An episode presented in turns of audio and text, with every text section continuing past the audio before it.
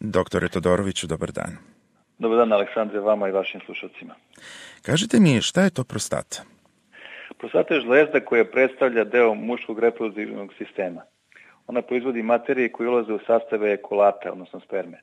Normalno, prostata je veličine i oblika kestenja, zato se zove narodu kestenjača.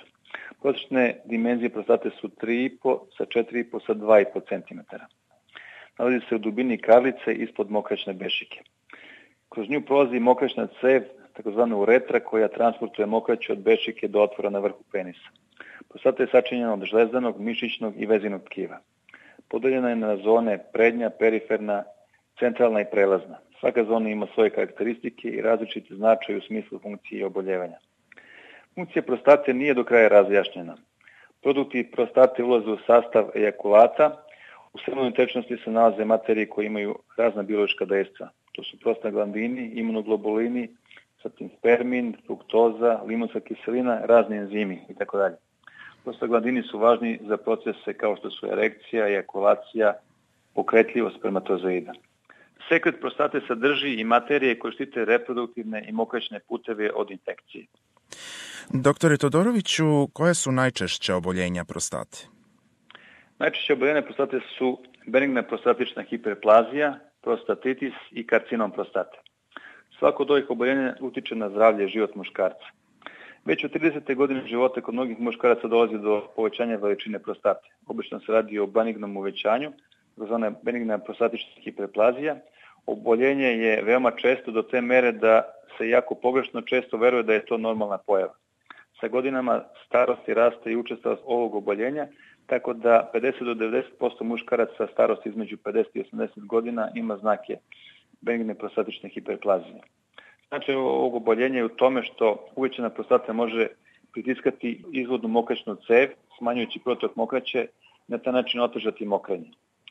Izraženost simptoma može biti proporcionalna uvećanje prostate, ali i ne mora.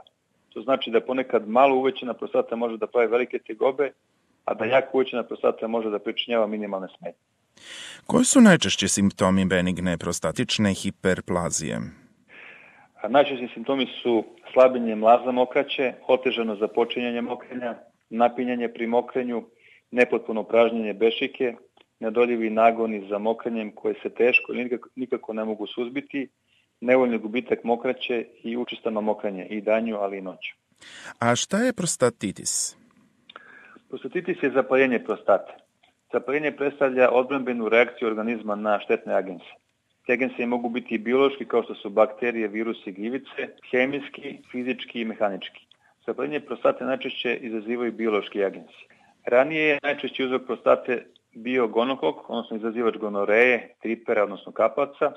U poslednje nekoliko decenija to međutim nije slučaj, već su najčešći izazivači prostatitisa sledeći. To su bakterije Escherichia coli koje dolaze iz mokraćnih puteva ili creva, stafilokoke, bakterije iz gnojnih ognjišta čireva, streptokoke, bakterije iz disanih puteva ili polnih organa, zatim virusi, gljivice, trihomonas i hlamidija. A što olakšava nastanak infekcije?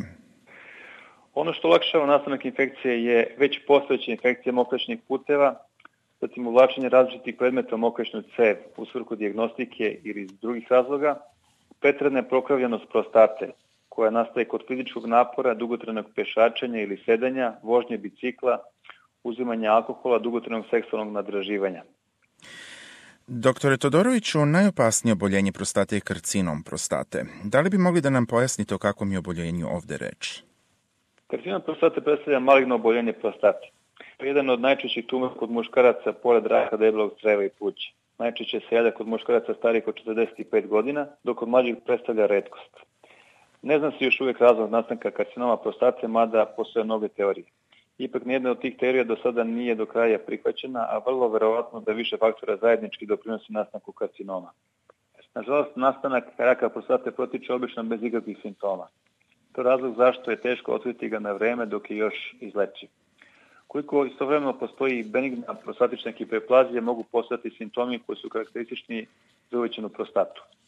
U kasnijem razvoju oboljenja javljaju se različiti simptomi pa i bolovi u zavisnosti od organa koji su zakvaćeni, kao što su pluća, jetra, bubrezi, debelo crevo, kičma, zglobovi i kosti. poremećeni opšte stanje, javlja se malaksalost, gubitak apetita i anemija. A kako se diagnostikuje karcinom prostate? Dijagnoza se postavlja na osnovu urološkog pregleda, laboratorijskih analiza i drugih diagnostičkih postupaka. Urolog uzima detaljnu anamnezu, razgovara s pacijentom o toku sadašnje bolesti kao i prethodnim oboljenjima. Pored ostalog, urolog će uraditi digitorektalni pregled koji predstavlja pregled prostate prstom kroz analni otvor pacijenta. Takav pregled je jednostavan, kratkotrajan i bezbojan, ali je od izuzetnog značaja. Dalje radi se i ultrazvučni pregled urotrakta i prostate, a je po potrebi i druga snimanja i pregledi. Značaj imaju laboratorijske analize. Pored ostalih analiza razmatra se i vrednost PSA, odnosno specifičnog antigena prostate, koji može da ukaže sa priličnom tačnošću na postojanje ili odsustvo karcinoma prostate. Doktore Todoroviću, koliko često treba raditi kontrolu prostate? To zavisi od više faktora. Potpuno zdravi muškarci mogu dolaziti na kontrolu godišnje ili jednom u dve godine. Jasno je da češće kontrola znači veću sigurnost jer povećavaju šansu da se oboljenje ranije otkrije. A šta se radi na redovnim kontrolama prostate? Urade se odgovarajuće laboratorijske analize, zatim ultrazvučni pregled urotrakta i pregled prostate prstom. Potom urolog tumači dobijene nalaze i rezultate i daje savjet šta raditi i kada ponovo doći na kontrolu. Doktore Todoroviću, hvala vam puno na vašem vremenu i na ovim važnim informacijama. Hvala vama.